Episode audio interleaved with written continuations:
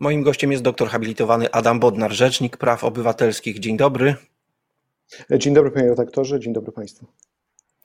Panie rzeczniku, mamy problem z praworządnością w naszym kraju? Uważam, że mamy problem fundamentalny, że coraz rzadziej możemy liczyć na to, że państwo stanie w naszej obronie, że te instytucje i organy, które są odpowiedzialne za stanie na straży praworządności zapewnią nam wystarczającą ochronę prawną. Mam na myśli zwłaszcza e, prokuraturę, ale także w coraz większym stopniu niestety sądy. E, dlaczego w coraz większym stopniu sądy również? E, ponieważ sądy w wielu przypadkach starają się pokazać, że niezależnie od presji instytucjonalnej i ograniczenia niezależności tych instytucji, które powinny stać na straży niezależności sądów, takich jak Krajowa Rada Sądownictwa, i tak pokazują w swoim orzecznictwie, że e, są w stanie bronić praw i wolności obywatelskich, są w stanie pociągać władzę do e, odpowiedzialności. Natomiast jednocześnie w systemie prawnym mamy coraz więcej mechanizmów, które pozwalają na to, aby albo sędziów zastraszyć, albo też podważać prawomocne wyroki. To jest takie, ta, taka rzeczywistość, w której już od dawna zresztą się o tym mówi. E, z jednej strony mówimy, że e, niewinni nie mają się czego bać, że sędzia przecież e, niezawisłość ma w sobie, tak więc to, że mu ją ktokolwiek próbuje w jakiś sposób utrudnić, nie powinno mieć znaczenia, bo on będzie wiedział, jak się zachować ale mm, może to, może to jest problem w kadrach, które już od dłuższego czasu funkcjonują w naszym wymiarze sprawiedliwości. Może ten problem nie urodził się dopiero teraz. To znaczy, faktycznie wcześniej, e, e, jeżeli chodzi o sądy, też nie było kolorowo, że były takie przypadki, kiedy mogliśmy oczekiwać e, większej aktywności czy takiego większego zaangażowania w obronę wartości konstytucyjnych czy praw i wolności wynikających z konstytucji przez sądy.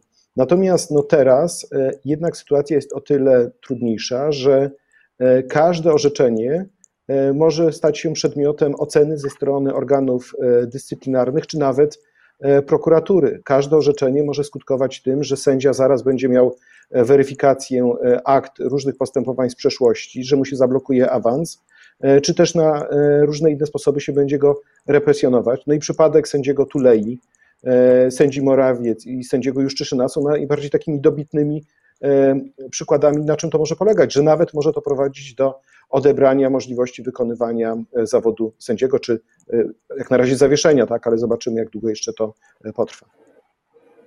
Ale jak to jest systemowo, panie rzeczniku? No, czy prokurator jest ponad sądem, czy poniżej niego? Bo widzimy tutaj pewne istotne zmiany, które zachodzą w ostatnich miesiącach, czy już nawet latach. Przede wszystkim e, powiedziałbym, że podstawową wadą naszego systemu prawnego jest to, że prokuratora w ogóle nie ma w Konstytucji. I może od tego powinniśmy zacząć, bo gdyby był w Konstytucji, to pewnie moglibyśmy oczekiwać większych gwarancji niezależności, e, szczególnie indywidualnych prokuratorów, którzy prowadzą postępowanie. Natomiast oczywiście prokurator e, powinien działać na rzecz poszanowania zasady praworządności i na rzecz ścigania przestępstw, tylko, że w polskim systemie nie tylko mamy połączenie urzędu ministra sprawiedliwości i prokuratora generalnego, e, ale także bezpośredni, bardzo hierarchiczny wpływ e, prokuratora generalnego na wszystko, co się dzieje e, w prokuraturze. I to ma po prostu niezwykły wpływ na postępowania, bo jeżeli ten sam prokurator generalny ma wpływ na obsadę rzeczników dyscyplinarnych sądów, jeżeli ma wpływ na to, że prokuratura wszczyna postępowania karne i żąda uchylenia immunitetu e, sędziom, no to można powiedzieć, w tych jednych rękach politycznych gromadzona jest, zgromadzona jest niezwykła władza, nad którą nie ma jakiejkolwiek e, kontroli w Polsce. No dobrze, ale gdybyśmy tak wzięli przykład y, osobowy, ja wiem, że nazwiska to niekoniecznie jest najlepszy model budowany, ale no mamy w tej chwili ministra sprawiedliwości, jak również prokuratora krajowego, który być może w takiej konfiguracji, jaką pan profesor przed chwilą wymienił, byłby prokuratorem generalnym, którego pewnie mianowałby prezydent, mając do wyboru kilku. Coś by się zmieniło? E, no, przede wszystkim e, zmieniłoby się to, że nie mielibyśmy łączenia e, tych stanowisk w egzekutywie z odpowiedzialnością za prokuraturę. Oczywiście być może mogło to, efekt byłby prawdopodobnie podobny, natomiast mówimy o aktualnej sytuacji, tak jak ona została uregulowana w naszym prawie, a nie o jakimś docelowym modelu. Gdybyśmy mieli docelowy model, no to należałoby jednak dążyć od tego, do tego, aby prokuratura miała jakiś poziom niezależności, a nawet jeżeli utrzymywane jest ścisłe polityczne połączenie na tym szczeblu centralnym, to indywidualni prokuratorzy powinni mieć e, gwarancję swojej indywidualnej niezależności poprzez e, możliwość samodzielnego prowadzenia e, postępowań, poprzez brak tego systemu nakazów, zakazów, kar dyscyplinarnych czy chociażby przymusowych delegacji, bo to niestety w naszym systemie prawnym występuje. Natomiast ja traktuję sytuację w prokuraturze jako po, po, prostu jeden z większych elementów całości, ale natomiast taki element, który niestety za rzadko jest dostrzegany e, i za rzadko o nim dyskutujemy, bo właśnie w tym zakresie no, Unia Europejska ma dość niewiele do powiedzenia. Tak?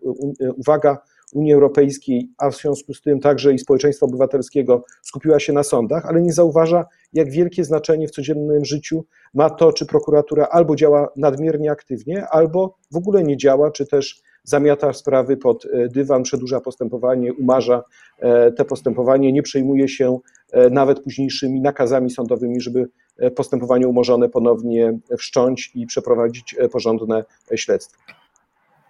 No i to jest rzeczywiście zadziwiające. Czy ewentualne przystąpienie Polski do prokuratury europejskiej i państwo na łamach Rzeczpospolitej razem z zastępcą rzecznika, doktorem habilitowanym Maciejem Taborowskim postulowali przystąpienie Polski do prokuratury europejskiej, coś na co do tej pory nasze władze się nie zdecydowały, cokolwiek zmieniłyby w, w tej sytuacji? To znaczy, ja oczywiście nie traktuję tej propozycji w kategoriach e, nagłej e, odmiany e, stanu rzeczy. Raczej byłaby to, byłoby to rozwiązanie, które by wprowadziło pewien element, nazwalibyśmy tego checks and balances, czyli kontrolowania i równoważenia władz, no bo jednak jakiś inny organ E, zewnętrzny miałby e, prawo spojrzeć w to, co się dzieje w Polsce i także miałby prawo prowadzić postępowania e, wewnętrzne dotyczące naruszenia interesów finansowych Unii Europejskiej. Poza tym, jak sobie pomyślę, że szefową prokuratury europejskiej została no, bardzo znana i szanowana Laura Kövesi z Rumunii, która no, naprawdę E, przecież zasłynęła z tej właśnie swojej pryncypialności i niezależności, no to mam wrażenie, że ona ma duże szanse, żeby ten organ postawić na, e, na nogi i faktycznie e, rzetelnie badać, co się z tym wydatkowaniem funduszy unijnych dzieje. A, że, a sytuację mamy no, nieprawdopodobną, a mianowicie za chwilę zostaną przekazane gigantyczne fundusze Polsce, także Węgry uzyskają takie fundusze, a Polska mówi nie, tak samo jak Węgry, nie chcemy w tym e, uczestniczyć. To powstaje pytanie, dlaczego? No bo jeżeli przecież te fundusze mają być wydatkowane w sposób uczciwy, no to dlaczego mamy nie być częścią prokuratury e, europejskiej? Także liczę, że w tej dyskusji na temat Funduszu Odbudowy po prostu ten argument zostanie wzięty pod e, uwagę i że dzięki temu choć troszeczkę uda się ograniczyć taką omnipotencję prokuratury, która obecnie występuje w Polsce.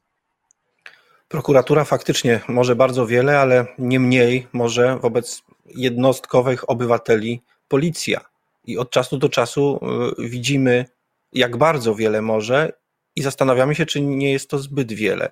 Y, jak pan reaguje na takie przypadki, jak ten z Głogowa, czy ostatnio w czasie y, rocznicy katastrofy smoleńskiej, gdy funkcjonariusze w wielkiej sile no, ruszyli naprzeciwko dużo mniejszej i no przecież niezbrojnie, niekonfrontacyjnie nastawionej grupie osób.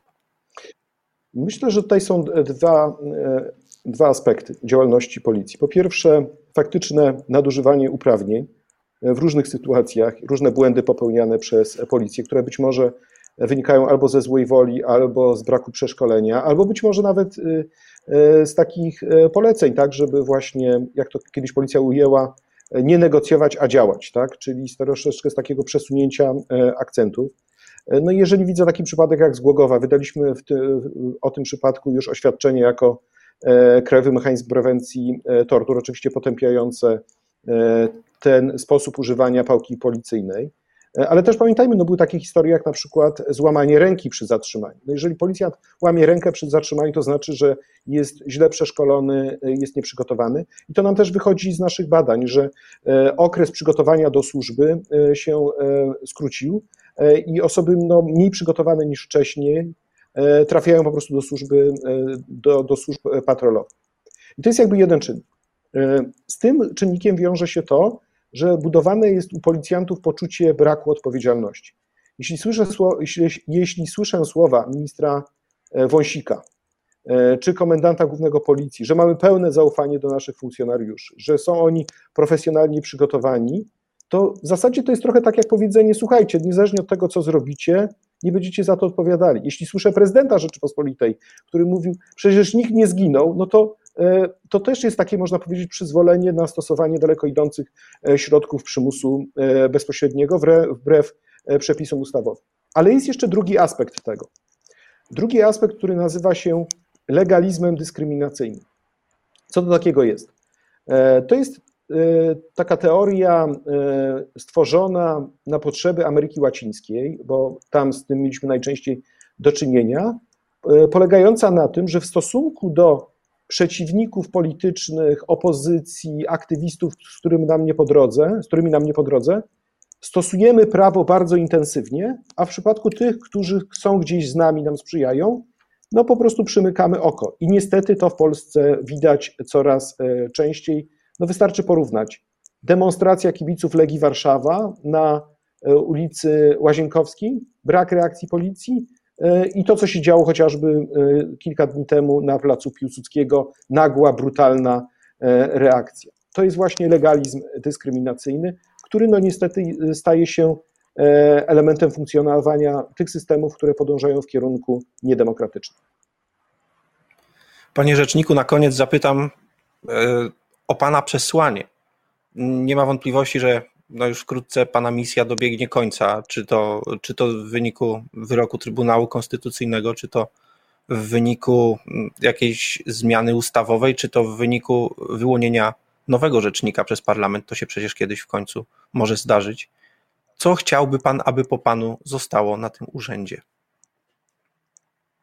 Chciałbym, żeby po mnie zostało zrozumienie że konstytucja i prawa i wolności służą nam wszystkim, że konstytucja jest po to, aby nas chronić przed przemocą i arbitralnością ze strony władzy, że każdy z nas, w zależności od tego, w jakiej sytuacji się znajdzie, może paść ofiarą przemocy i nadużyć ze strony władzy, i wtedy ta ochrona konstytucyjna, ochrona niezależnych instytucji będzie mu e, potrzebna.